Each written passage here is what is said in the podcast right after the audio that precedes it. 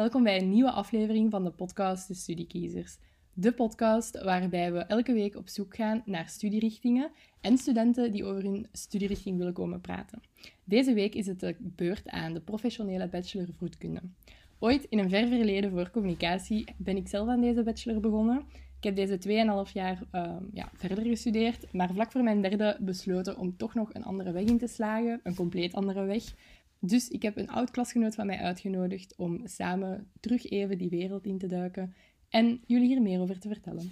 Hey Sarah, super erg bedankt dat je te gast zou zijn bij mijn aflevering. Heel graag gedaan. Uh, en ons een beetje meer komen vertellen over voedkunde. Ja. Uh, je mocht gewoon beginnen met jezelf voor te stellen, zodanig dat er een beeld is. Ik ben dus Sarah, ik ben 21 jaar en ik ben vorig jaar afgestudeerd als vroedvrouw op de PXL.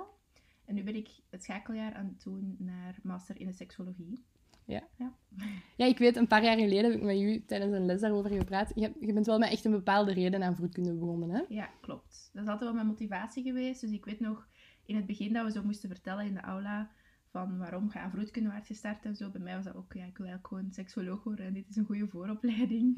Bij de rest was dat zo, ja, ik vind babytjes heel leuk en ja, mijn nicht is zwanger, dus dat is heel tof. Zo, die motivatie, dat was bij mij al wel direct totaal anders. Ja, het was meer gewoon om te kunnen doorstromen dan Klopt. tot seksologie. Maar uiteindelijk vond ik het wel een leuke opleiding, dus uiteindelijk, ja, het was uite- uiteraard ook wel interessant, anders doe je het geen drie jaar. Hè? Ik denk ja. als vrouw dat je er sowieso altijd wel iets aan hebt. Voilà. Al is het niet op die moment dat het voor later wel terug... Ja, ja, zeker. Het is ook een goede vooropleiding geweest, daar niet van. Dus toen je in middelbaar afstudeerde, had je eigenlijk echt al een pad voor ogen van oké, dit wil ik gaan studeren? Of hoe is dat voor jou verlopen?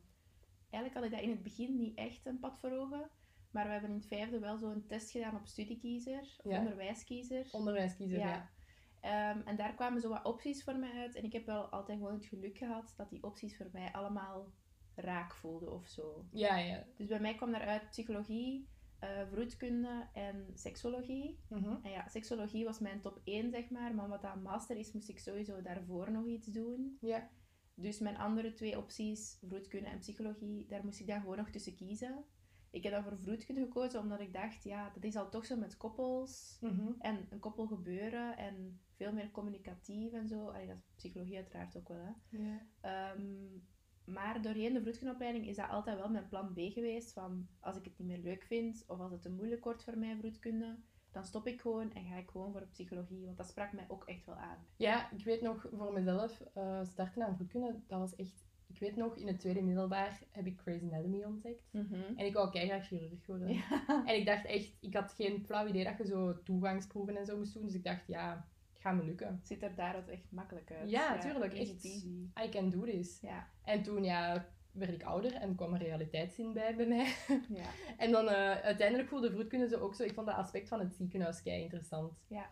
En eh, mijn vriend deed dan verpleegkunde en ik wou niet exact hetzelfde gaan studeren. Nee, ik heb dat ook gehad. Ja. Want onze vriendjes doen dus allebei verpleegkunde, ook aan dezelfde Ja. school. Ik heb dat destijds dus ook gehad dat ik dacht, oh, maar ik wil niet hetzelfde doen. Ja, voilà. Dus ik dacht zo, oké, dan doe ik wel gewoon verple- eh, vroedkunde. Ja. En dan ben ik eigenlijk aan vroedkunde gestart en ja, nu zit ik hier niet Ja. meer. Oké, nu gaan we eigenlijk gewoon door de opleiding wandelen. Mhm. We zullen beginnen bij het eerste jaar, dat is het logische, en dan zo verder opbouwen. Eh, want wat ik wel vind, naar eigen ervaring, is dat vroedkunde een vrij atypisch eh, ja, schema bewandelt. Er zijn aspecten die je niet zo heel snel gaat terugvinden bij andere bachelors, die dat wel heel eigen zijn aan vroedkunde. ja, klopt. Zo krijg je eigenlijk al in je eerste jaar heel veel praktijk. Mhm. Ik denk dat de verhouding echt wel 50-50 Ja, dat is is. wel een beetje 50-50 inderdaad. Ja. Zeker omdat je stage is ook praktijk. Hè. Als je dat erbij telt, dan is het Ja. zeker echt wel gelijk. Ja, dus we zullen bij het begin van het eerste jaar beginnen. Ja. Wel een kleine disclaimer, we hebben allebei in PXL Hasselt gestudeerd. Dus ja, dat zijn, die werken met modules. ehm, dat Een zes weken systeem, zeg maar. een zes weken systeem. Dus dat kan ook veel anders zijn aan andere hogescholen. Dat is, daarvoor moet je eigenlijk echt het best gewoon de hogeschool hun website gaan bezoeken en kijken hoe dat zij de richting indelen. Ja, klopt. Ik heb gisteren allemaal zo nog eens opgezocht hoe het op andere scholen is. En op zich vind je op de website wel allemaal heel open en heel duidelijk hoe de jaren eruit zien. Ja, Zo, de inhoud is wel ongeveer gelijk, maar zo de indeling van het jaar is totaal verschillend. Wanneer je wat ziet, en dat, dat verschilt heel hard. Ja, want je zei daar straks al, het is heel eigen aan eh, waar wij het hebben gestudeerd, dat het in blokken werd Ja. aangepakt. Klopt. Dus het eerste jaar begin je met. Ja, eigenlijk het eerste jaar is volledig alles gezond. Alles normaal verloopt, dus een normale bloedsomloop, een normaal spijsverteringsstelsel. Maar ook een normale zwangerschap, bevalling en postpartum. Dat is op alle scholen zo. En PXL begint dan met de gezonde mens. Dat is het blok waarin je gewoon alle stelsels ziet. Ja, dus eigenlijk een beetje basisanatomie Ja. aanleert. Klopt. Ehm, je leert daar je parameters nemen. Ja, Maar dan zijn het zelfs ook nog je gewone parameters. En ik denk pas vanaf het tweede blok gaan ze zeggen, oké, je parameters. voedkundige Ja. parameters zijn dit. Dus Ja. bijvoorbeeld een bloeddruk bij een gewone mens die niet zwanger is, Ja, zou dan 12 over 7 zijn. En dan gaan ze kijken naar, oké, maar bij een zwangere vrouw kan die hoger liggen. ja, En dan is dat nog altijd wel oké tot een bepaald klopt. stelsel. Ja, en vroedkundige parameters zijn ook dingen zoals de baarmoederstand en zo. Dat is geen normale parameter dat je bij iedereen kunt voelen. Ja, Dus dat leert je ook nadien pas. ja, wow. Nu dat je dat allemaal begint te zeggen, begint het bij mij wel Ja. te komen. dus dat is echt wel even heel grappig. En dan gaan we inderdaad, kregen wij vooral les over ehm, het kraambed. En dat Ja. was altijd ook het gezonde. Dus alles liep goed in die Mhm. scenario's. ja, En dan, het was ook telkens zo, nadat één bepaald thema werd afgehandeld, kwam daar dan een examen bij. Maar ja, wij hadden niet echt vakken. Bij ons liep dat dan ook een Nee, beetje klopt. anders. het was zeg maar, wij hadden zes weken les over iets. Dan deed je daar examen van en dan liet je dat echt letterlijk achter u. Dan ging je naar het volgende. Ja. Het is niet dat je in de tweede module nog sprak over de dingen die in het eerste module aangeleerd waren, zoals de bloedsomloop en zo. Er werd wel verwacht, als je dat examen hebt gedaan, dan laat je dat achter je en dan beginnen we aan iets nieuws. Ja. En ik denk bij de andere scholen, die hebben gewoon twee keer op het jaar examen. En dan hebben die echt vakken dat ze volgen. Dat dat allemaal meer een beetje vloe is en in elkaar doorloopt wel. Omdat daar niet zo'n afbakening in is. Ja. ja, ik weet ook, bij ons, dat was ook wel heel, ja, dat was heel eigen aan de, ja, de, aan de school zelf. Ja, Is, wij hadden ook twee keer een soort van onderwijsgroep. En dan kregen we eigenlijk door de week hoorcolleges over bepaalde thema's. Bijvoorbeeld ehm, zwangerschapsvergiftiging. Ja. En dan gingen wij op bepaalde dagen naar die onderwijsgroepen. En daar werd dat thema van het hoorcollege verdiepend aangeleerd. dat was eigenlijk ook een groot deel zelfstudie wel. Ja, Dus je had je handboeken en je kreeg literatuur dat ze online zetten. En dan moest jij die lezen allemaal en daar een samenvatting van maken in eigen woorden. Dat Ja, is heel ja. belangrijk, in eigen woorden. En eh, dan ging je gewoon in de klas zitten samen. En dan vertelt je, ik heb dit gevonden, ik heb dat gevonden. En zo maakte je eigenlijk één samenvatting met z'n allen. En dat was uiteraard ook leerstof.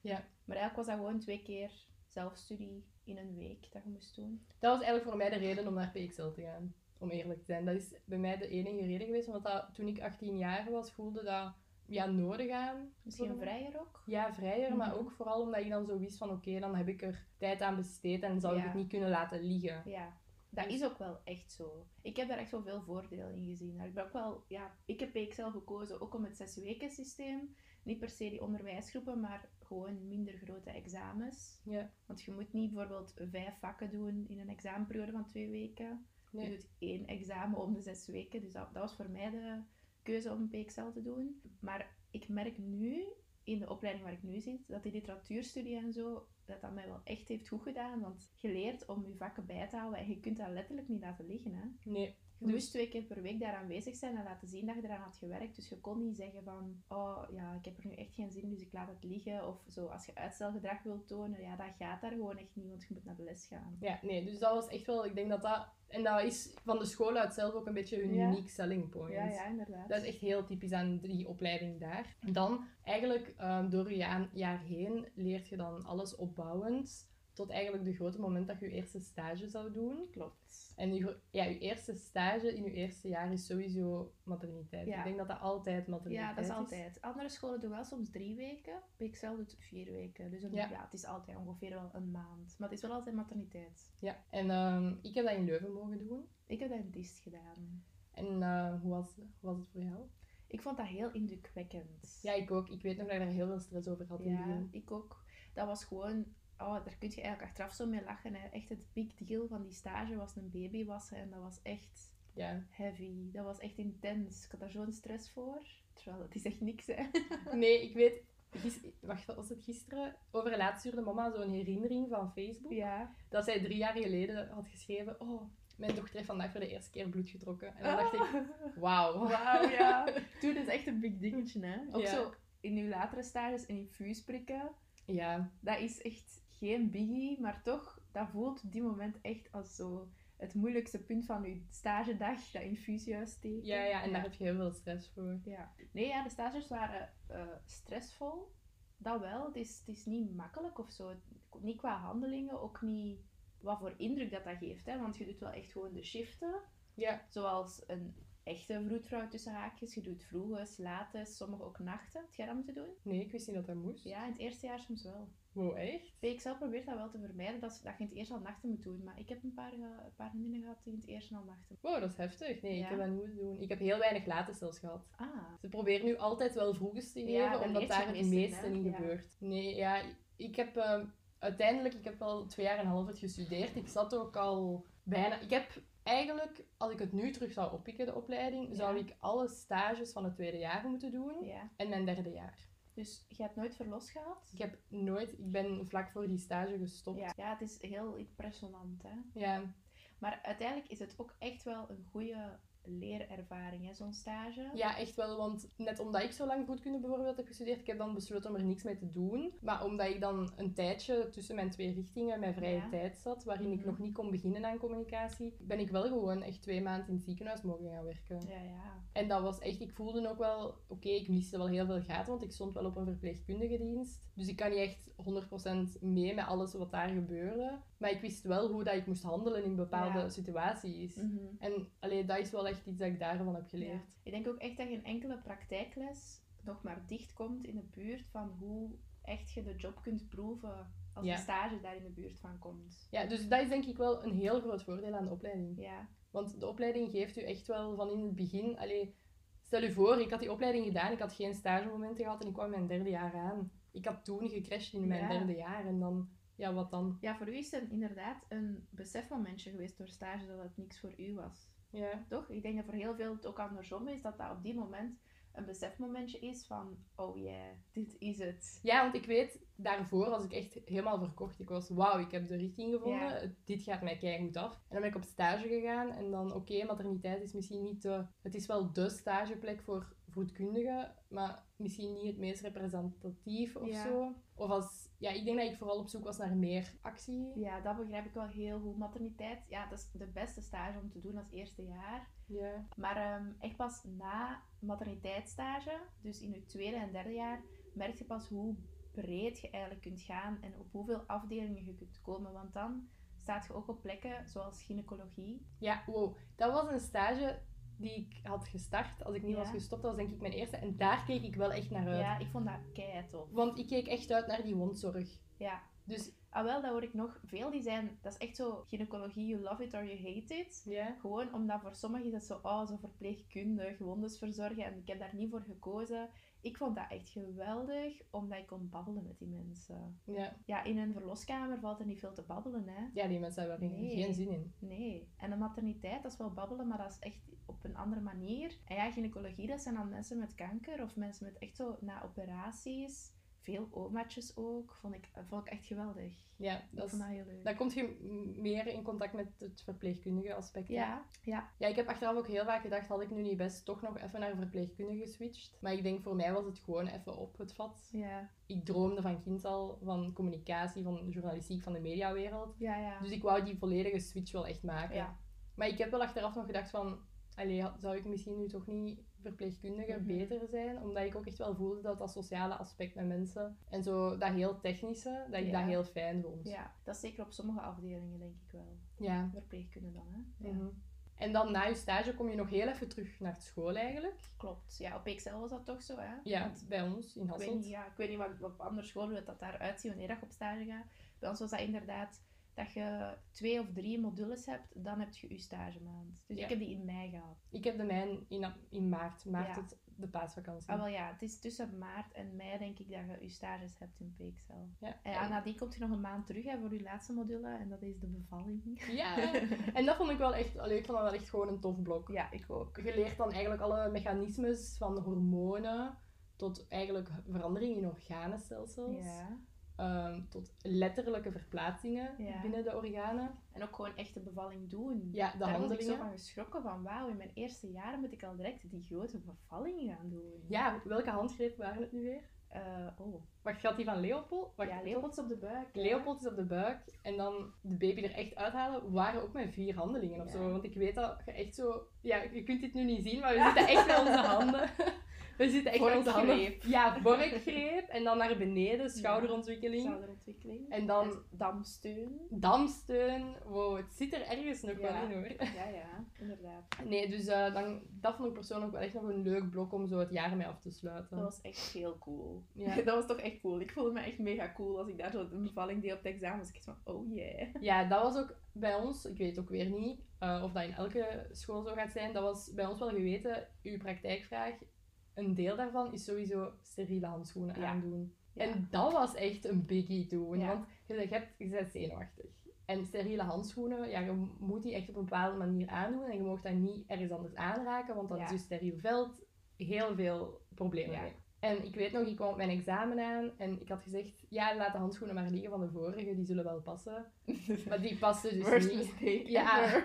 En ik had ook eerst niet door dat dat gewoon niet paste. Dus dat voelde voor mij al een eeuwigheid aan. Ja. Dat ik daar aan het struggelen Ja, was. je hebt dan die ogen op je gericht met Ja, examen. docent zit daar van te wachten. En dan heb ik gezegd, ja, maar ik toch een andere maat. En dan heeft hij voor mij een andere maat Ja. klaargelegd. En toen bleken die verduurd te zijn. Ja, dat is heel vaak. Hè. Wordt Ja. natuurlijk heel vaak herbruikt, zo'n materiaal, omdat het heel duur is. En, En- zo'n handschoenen, dat verduurt gewoon helemaal. Ja, en omdat die dus verduurd waren, kreeg ik weer mijn handen daar niet in, want dan plakt dat heel hard toe. Ja, en je hebt dan waarschijnlijk gewoon een beetje zweethandjes. Ja, en dan was het om zeep, ja. hè. Maar ik heb ze toch aangekregen zonder een fout te maken. Chapeau. Maar ik ben toen wel wenend naar huis gereden. Och, arme. Dus ja. En dan, als we meer naar het tweede jaar gingen, kwamen er eigenlijk meer stageperiodes naar boven. Ja. En dan weer minder theorie eigenlijk. Hè? Klopt, ja. Eh, waar dat eigenlijk het eerste jaar nog echt in het teken staat van alles wat gezond is. En heel soms een beetje een pathologie naar boven komt. Komt er eigenlijk in het tweede jaar staat eigenlijk totaal alles in teken van de pathologie. Ja, klopt. Maar nog niet hoog risico. Dat was Nee. in PXL wel niet. Dat was echt het derde jaar. Dus gewoon, wat kan er misgaan? Maar er zit wel nog zo'n grens op dat het pathologie is, maar nog niet echt zo high-risk situaties. Ja, geen, ja, wel al urgent, maar toch Ja. niet om te zeggen van... Geen intensieve situaties. zo, Nee. Dus ja, daar mocht je eigenlijk het meeste over beginnen vertellen nu, want Ja. ik ben halverwege dit jaar afgehaakt. Voilà, ja, dus de theorie is al een beetje aan bod gekomen. Hè? Eigenlijk alles wat er mis kan gaan, zowel in de zwangerschap, als bevalling, als na de bevalling, postpartum. Mhm. Maar je ziet ook blokken zoals gynaecologie, waar we het net dus ook al over hebben gehad. Ja. Borstkankers, baarmoederkankers, polypen, gezwellen, waar het allemaal kan groeien. Dat ziet je ook. Een Ja. beetje wondzorg ziet je. Ja, dat vond ik echt heel fijn. Dat vond ik heel fijne handelingen om aan te leren. Een draai weghalen, Ja. al die dingen. Een draai. En een, rij- een DA, DAV was dat? DAV. Droog. Droog ehm, H-verband. Iets- Wat is dat H? Het is een A, DAV, denk ik. ADAV. eh antibacterieel. Ja, waarschijnlijk zoiets. Zo, ja. Als dat nu niet klopt. Sorry, Kobe. Ehm, ja, en dan uw stages, dat is al wat meer dan het eerste jaar. Hè. Je hebt uw verloskamerstage. Je hebt er drie dat jaar, denk ik. hè? Ja, verloskamer, gynaecologie en eh, raadpleging heb je. Ah ja, raadpleging had ik ook wel graag nog gedaan. Als ik met die stage was begonnen, denk Ja. ik dat ik die nog gedaan had. Ja. Maar ik begon met verloskamer. Ik vond dat allemaal wel, wel tof. Alleen verloskamer, ja, spannend hè. Bevallingen doen en... Ik denk dat niks je kan voorbereiden op die stage. Ik denk dat je van, van jezelf uit zo'n angst creëert eigenlijk ook soms. Of zo'n indrukwekkend gevoel daar rond. Ja, je hebt je eerste stage gehad, wat dan natuurlijk al heel indrukwekkend is. En dan Mhm. gaat je naar je tweede stage en denk je, oh my god, nu komen echt die bevallingen. Ja, Maar op zich, bij mij is dat allemaal wel... Ja, het is zo een beetje... Ik ben daarin gerold. Ja. Ik heb nooit het gevoel gehad dat ik daar ben in gesmeten of zo. Dat was bij mij heel geleidelijk aan. Ik ben in het eerste, in mijn matstage, ben ik ook al wel eens mogen gaan kijken naar een bevalling. En dat had ik heel graag gedaan. Ja, niet iedereen mocht dat, hè. Ja, nee, maar bij mij was het probleem ook... eh, ik stond in, ik stond in eh, UZ Leuven. Ja. En toen was dat nog de oude blok. Nu, nu hebben ze alles wat met moeder en kind te maken heeft, Ah. hebben ze in één nieuwe blok gezet. Dat is totaal ergens anders toen, Maar hè. bij mij Ja. was dat toen nog niet. En dus materniteit was, ik weet dat nog, op het derde verdiep geel, gele pijl.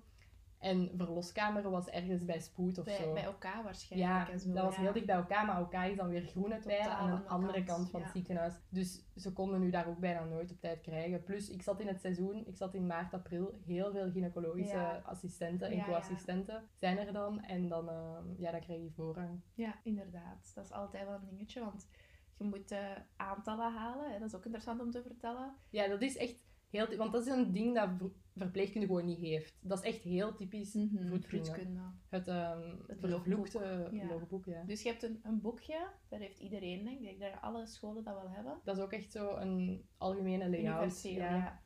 En ehm, daar staan aantallen in dat je moet halen over de drie jaar tijd. En als je die niet hebt, dan ja, kun je niet afstuderen. Ja, en je hebt ze heel mooi opgeleid. ik heb ze hoort, opgeleid. eh, Ik heb- voorlezen. Ik heb een boek onder het stof uitgehaald, want na drie jaar, dat ziet er ook niet meer uit. Nee, ze zeggen als je gaat solliciteren, dan moet je dat eigenlijk meenemen Oh, echt? als bewijs. Amai. Dat, dat maakt je diploma geldig. Goed dat ik daar niet... allee, dat ik nooit ben gaan solliciteren, want bij mij echt zoveel koffie overgemorst. Oh, en, en waterflessen die uitgelopen zijn. Het zijn allemaal verkreukte pagina's bij mij. Ehm, ja, dus het is echt wel een hele lijst. Maar om gewoon een beeld te geven van sommige dingen. Je moet bijvoorbeeld 100 kraamvrouwen en 100 babytjes verzorgen. Ja, maar nu, om eerlijk te zijn, ik heb één stage gedaan en ik zat dan aan 60 vrouwen en 40 Ja, baby's. Dus komt daar wel aan. dat is haalbaar. Ja. Dat klinkt heel veel, maar Ehm, je moet 40 bevallingen volledig zelf doen. Ja. Dat is wel cool. ja, ik weet, dat was waar dan mijn angst lag. Ja, ik Maar- denk dat iedereen dat wel een beetje eng vindt. Maar oh, dat vond ik wel, dat was echt een wauw gevoel, zo'n bevalling doen. Ik kreeg daar serieus zelfvertrouwen kick van. En echt adrenaline, op een goede manier. Ja, dat denk ik ook wel, dat dat echt... Dat is echt empowering. Ja, want wat ik ook heb meegemaakt, ik heb dan maar één stage gedaan, materniteit. Maar mijn ouders hebben een bakkerij. En eh, vorig jaar, maar mijn materniteitsstage is al drie jaar, vier jaar geleden. Mhm. Vorig jaar stond er een papa. En ja, mind you, het was mid-corona, dus iedereen droeg een mondmasker in de bakkerij. Stond er een man voor mij en ineens zei hij, ja, hey, sorry, mag ik iets vragen? Ehm, heb jij toevallig drie jaar geleden stage gedaan op materniteit in Leuven? Tot, en ik hè? zo, ja, ik zo, ja. En hij zo, toen kwam er zo'n kleine van drie jaar zo Oh achter zijn been. God. En hij zo, ja, dat is onze papa. Ja, Je hebt die toen nog gewassen. ja. En ik echt, wauw. Dat je dat, Dat je daar weet, Ja, ja. want ik kan me wel inbeelden dat je niet op zondagochtend denkt aan de geboorte van je eerste kind of je tweede ja, kind. ja, ja. En de mensen dat daarbij geholpen hebben. En dat je dan in de bakker staat en dat je daar dan meteen de link mee legt. Dus ik vond dat wel speciaal dat dat zot, hè? Dat ja. Ja, ik heb ook al eens gehad. Ik zat dan in, in Hasselt op Pot. en ehm, ik kwam toen een mama op de fiets tegen met echt een pasgeboren babytje, zo op zo'n stoeltje op een Mhm. stuur zo.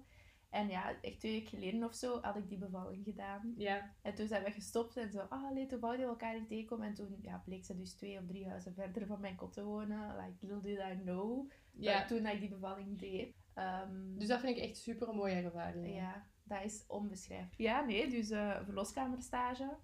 Ik weet ook, eh, de, de praktijk in het tweede jaar wordt daardoor ook een beetje intenser. Ja, Je ziet al wat grotere handelingen. ja, klopt. Ik weet, we hebben een bepaald moment echt als schoolopdracht gehad, breng kipfilet mee, Ja, hechten. hechten. Ja. En dan zaten wij echt op een donderdagnamiddag met een kocher in de ene hand, Ja, een pincet. een pincet in de andere.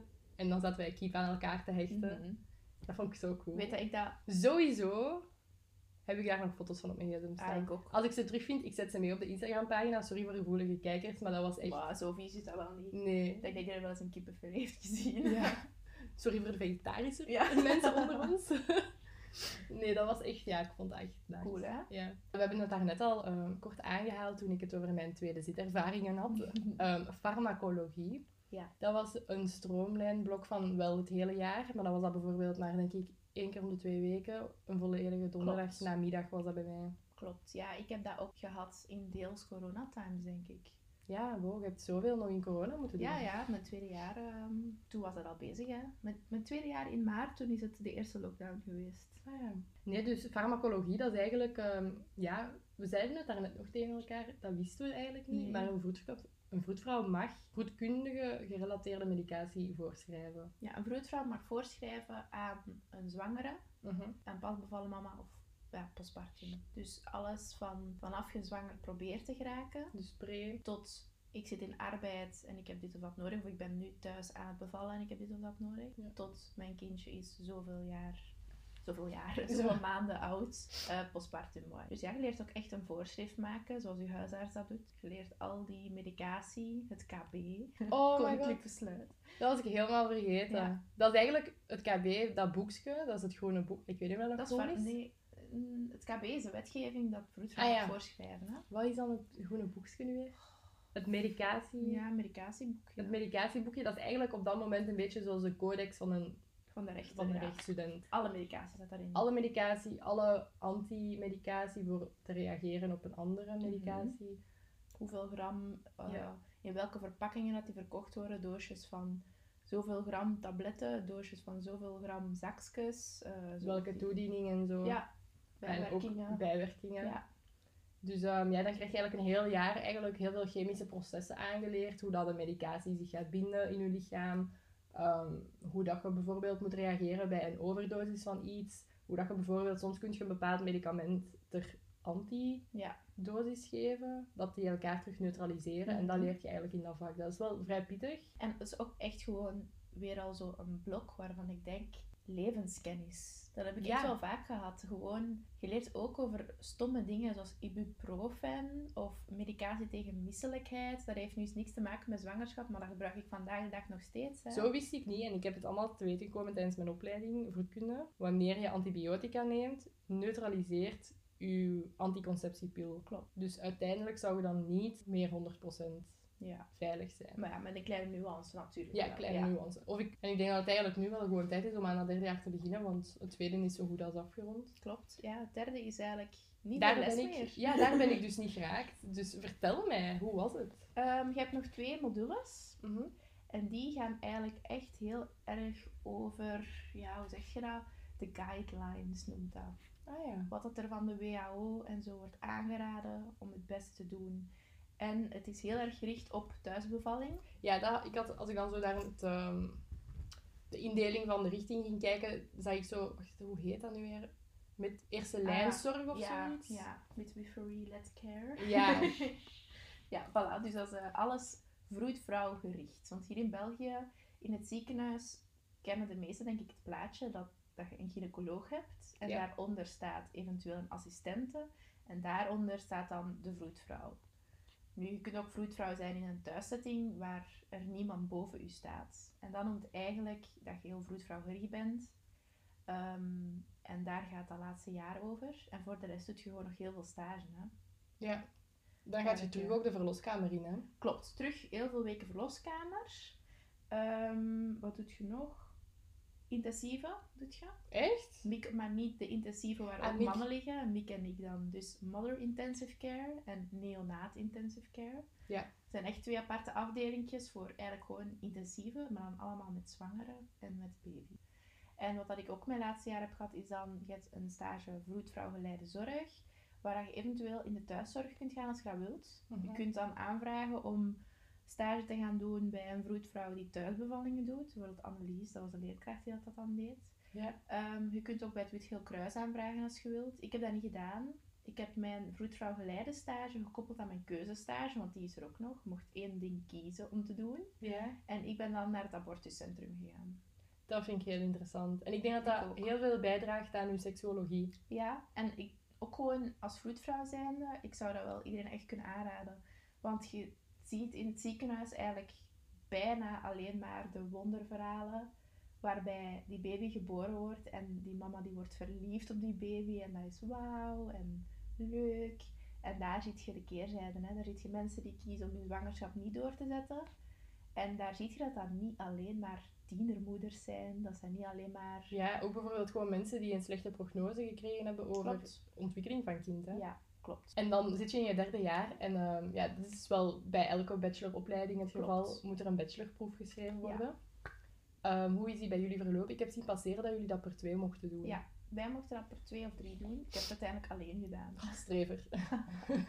Mijn eh, compagnon is ook gestopt met de opleiding halverwege. oh, Dus ik, ben, ik heb het alleen gedaan, maar dat is wel echt uitzonderlijk. Normaal doe ik het inderdaad per twee. En op Excel toch is dat iets waar je een heel jaar aan werkt. Want ik weet, in sommige opleidingen schrijf je een bachelorproef in zo tijdens een stageperiode van een maand. hebben jullie ook onderzoek gedaan naar een bepaald thema? Of? Ja.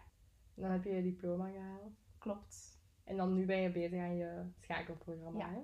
inderdaad. En is het waar, is het wat Ja. je had gedacht? Of? Het schakelprogramma is nog helemaal niks seksologisch. Nee, oké. Ja. Dus dat is misschien zo die vakken van psychologie dat je nu had. Klopt. Ehm, ja, dus zoals ik al zei, je kunt maar vanuit verschillende opleidingen doorstromen. En als je dus een bachelor hebt gedaan, moet je eerst een schakeljaar doen van een jaar. En wat dat eigenlijk is, je wordt voorbereid om op academisch niveau te komen, om het zo Ja. eh, een beetje mijn dikke nek te zeggen. Ehm, Dus je moet eigenlijk bijbenen in de vakken dat je in academische opleiding al hebt gehad. Dus wie je, wat je eigenlijk mist als je aan de hogeschool hebt gezeten. En dan begint je pas echt aan de master. En hoe lang duurt de master? Want ik dacht even dat... jaar. Ah, wow, ik dacht dat het maar een jaar. Dus Nee. eigenlijk is een jaar schakel en een twee jaar. Klopt. Ah ja. Nu, als je zou... Welke tip zou je je 18-jarige zelf willen geven? Ehm, Oeh, goede vraag wel. Ja. Ik zou tegen mezelf zeggen, begin gewoon meteen aan communicatie. Ja, dat snap ik wel. Ik zou niet iets anders gedaan hebben. Nee, zou je hetzelfde gedaan Ja, ondanks dat ik nu een beetje afstand heb gedaan van dat wereldje, vind ik het wel een, zo een leerrijke opleiding. Zeker, allee, ik wil niet in hokjes denken of zo, maar als vrouw zijnde, ja, het gaat allemaal rondom het vrouwenlichaam. Ja, en het zijn misschien wel de dingen dat je misschien bij seksuele opvoeding... Amai, sorry. Opvoeding, ja. Seksuele opvoeding had willen zien in het Ja, middelbaar. zeker, zeker. Ja. Daarom nog maar te beginnen, maar gewoon...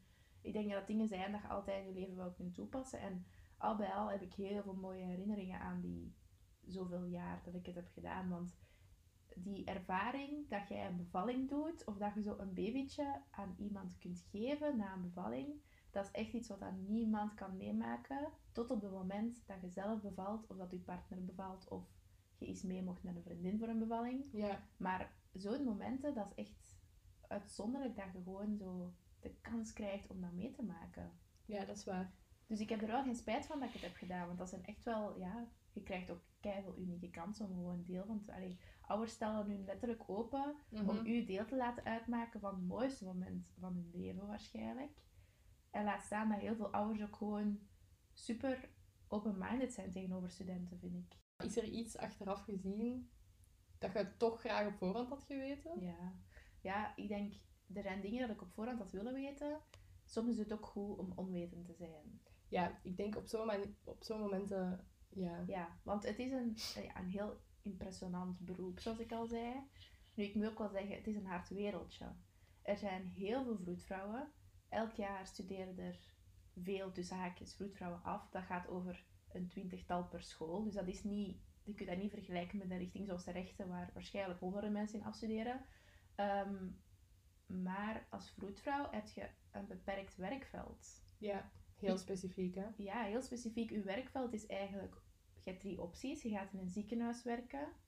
Daar zijn enkele afdelingen waar je kunt staan, want niet alle afdelingen zijn moeder-kind. Het meeste in een ziekenhuis is nog steeds verpleegkundig. Ja. En daar voelt je wel dat je technische niet voor mee hebt. Klopt. Ehm, en dan kun je zelfstandige worden. Dat is zelfstandig aan huis of zelfstandig bevallingen doen. Ik heb mij ooit laten wijsmaken dat zelfstandige masters moeten hebben. Nee. Nee, ah, oké. Als je afstudeert, kun je gewoon starten. Ah, ja, oké. Het is wel zo, om bevallingen zelf thuis te doen, moet je zeg maar je laten Screenen. opleiden of zo Ah, ja. door een team dat dat al doet. Dus het is eigenlijk dan wel de bedoeling dat je dan aansluit bij een vroedvrouwenpraktijk die thuis de bevallingen doen, zodat je daar kunt leren. Ja, en dan kun je achteraf. Ja, maar gewoon aan huis voor na de, na de bevalling of voor de zwangerschapsbegeleiding mocht je gewoon direct starten. Ah, ja, oké. En het derde wat je kunt doen is een, in, een, in een instantie, zoals het Luna, het abortuscentrum. Ah ja, oké. Daar zitten ook vroedvrouwen. En dat kun je ook altijd doen natuurlijk. Maar als je in een ziekenhuis wilt komen, dat is zeker wel een hard wereldje. Omdat gewoon eigenlijk de beste eruit worden gepikt. Ja. En dat is ook niet raar als je daarbij nadenkt. Er zijn een beperkt aantal jobs in een ziekenhuis die een vroedvrouw kan doen. En dan pakken ze gewoon van de 100 mensen die hun aanmelden, ja, de 10 beste uiteraard. Ja. Dus vaak zijn dat degenen in je laatste jaar, als je daar stage doet, dat je in aanmerking komt voor een job, als ze tevreden van u zijn. Ehm, maar bijvoorbeeld in heel veel ziekenhuizen in Limburg verwachten ze dat je verpleegkunde na vroedkunde doet. ja, dus een verkort traject terug. Klopt, maar dat gaat dan wel over nog twee jaar extra studeren. En ik weet dat dat heel veel vriendinnen van mij zeiden, oh, had ik dat geweten, dan had ik toch twee keer nagedacht voordat ik hieraan begon. Ik begrijp dat ook wel, want uiteindelijk, ja, vroedkunde is drie jaar studeren als alles goed loopt. Want heel veel hebben ook gewoon een individueel traject, zoals in alle opleidingen, dat je er wel langer Ja. over doet. Ehm, en verpleegkunde na vroedkunde, dat is inderdaad een verkort traject, maar we spreken nog wel steeds over twee jaar nog extra erbij doen. Ja, dus het is alleen een verkort traject als je van vroedkunde naar verpleegkunde gaat, Ah ja, andersom niet. Dus eigenlijk kun je wel ook een verpleegkundediploma halen na je vroedkundejaren. Dan is het twee jaar in plaats van vier jaar. Ja. Nu, ik weet, bijna alle ziekenhuizen in de Limburg ver- verwachten dat wel. Om het zo licht een beetje te zeggen. Hè. Ehm, ik weet, toen ik afstudeerde aan PXL, heeft er natuurlijk een heel deel van mijn vriendinnen gesolliciteerd. Er is ook een heel deel mogen starten, zonder Ja. verpleegkundediploma. Maar wat er dan wel ook heel eerlijk wordt gezegd, is, je hebt geen zekerheid. Dus je vervangt een zwangere vroedvrouw, je vervangt zieke vroedvrouwen, je versterkt een team. Maar eh, vroedvrouwen die ook een verpleegkundediploma hebben, die krijgen gewoon voorrang. En waarom is dat? Om de heel simpele reden dat er een rollement is. Dus heel veel vroedvrouwen staan niet op één vaste dienst. Het is eigenlijk zelden dat een vroedvrouw nu, die nu start met werken, alleen maar op materniteit komt. Ja, toen ik stage deed was dat wel nog. Dat Maar kan. ik denk, ik kan me wel inbeelden, ehm, nu dat dat in Leuven onder één soort complex is gegoten, dat dat nu ook zo gaat Ja. zijn. In Leuven heb ik, ja, ik heb nooit in Leuven gestaan, ik kan me daar niet over uitspreken natuurlijk. Jij wel. Ik heb heel veel ziekenhuizen, praktisch allemaal in Limburg gehad. En ik weet dat alle nieuwe aangenomen vroedvrouwen sowieso in een rollement zaten. Dus dat wil zeggen dat je een jaar of enkele maanden of aan de hand van hoe, om de hoeveel tijd ze doorschuiven, je op een afdeling staat, dan schuift je door naar een andere afdeling. En zo word je eigenlijk constant gemixt, met als voordeel dat je niks verleert. Ja, dat is... en ik denk dat het wel interessant is om dat te doen. Ja, het blijft prikkelbaar. Ja, Bijvoorbeeld als je heel je leven staat op een materniteit en je moet dan naar een verloskamer, dan durf ik wel te zeggen dat dat heel moeilijk is en dat dat allemaal heel ver zit als je al zoveel jaar alleen maar materniteit doet. ja, dat is wel waar. Andersom ook, als je in een verloskamer staat voor 20 jaar, ehm, kan ik me best wel voorstellen dat je ineens moet wennen als een mama aan u vraagt, vier of vijf dagen na de bevalling, van, ah ja zeg, hoeveel cc melk drinkt die nu weer? Dat is iets wat je op de verloskamer niet echt frequent gebruikt. Nee, ja. Zou het roulement dan ook naar de NICU gaan? Nee, Ja. ja. Ja, ja, ja, ja. Maar in de NICU zitten ook verpleegkundigen. Ja, dat was ook iets. Ik had dan heel vaak, ik heb het al een paar keer gezegd, heel veel interesse in het ehm, kritische gedeelte, Ja. in zo de urgentie. Intensief, ja. Ehm, en dan heb ik mij daar ook gaan over ehm, verdiepen. En dan kreeg ik ook heel vaak weer het antwoord, ja, maar je kunt best toch nog ehm je banaba doen. Toen waren er nog banabas. Ja, dat is nu niet meer. Nee. nee. Ehm, dus dan moest ik, vooraleer ik die banaba kon doen, ook eerst omgeschoold worden naar verpleegkundige. Ja. En dan kon ik de banaba ehm NICU doen. Ja. ja, weet je wat het ding ook is? Verpleegkundige te weinig, vroedkundige te veel. Ja. Dus als ze nu een vroedkundige in een verpleegkundig team kunnen zetten tot er een plaats vrij is, ja, dat is hoe het werkt. dat is wat ze willen, maar dat is niet wat je kunt als vroed, om heel eerlijk te Ja. zijn. Wij kunnen niet typen aan de technische, Nee, aan de technische kennis van een verpleegkundige. En andersom, ook een verpleegkundige heeft Ja. echt niet genoeg vroedkundige kennis. Daarom is het twee aparte af, afstudeerrichtingen. Maar eh, ja, als er vroedvrouwen genoeg zijn, is het ook logisch dat ze vroedvrouwen aannemen die ze ook als verpleegkundige kunnen te werk stellen. Tot er een plekje komt voor die vroedvrouw. Omdat verpleegkundigen gewoon inderdaad heel erg nodig hebben. En dat vind ik eigenlijk wel een mooie om de aflevering mee af te ronden. Voilà. Super erg bedankt om langs te komen. Dank u. Ik vond het heel fijn om nog eens eh, herinneringen op te halen. Terug de feelings. Ja, die heel ver zaten. Ik weet, ik heb één boek bijgehouden van de opleiding. Welke? Alles over zwangerschap, zodanig dat als ik later Zwanger ben. En ik ben een hypochondriër aan het uithangen, dan kan ik beginnen zoeken. Want zij maar zeker als ik op die tafel lig dat ik ga zeggen, ik heb vroedkunde Ja. gestudeerd. Wel een vroedvrouw, hè? Eh, nee, dit was alweer een eh, nieuwe aflevering van de podcast De Studiekiezers. Ik hoop dat jullie iets aan onze uitleg gehad hebben. En net zoals altijd kunnen jullie een berichtje sturen via Instagram als jullie graag een opleiding zien verschijnen in ons aanbod. Of als jullie als student graag komen babbelen over jullie opleiding. Ciao! Dag.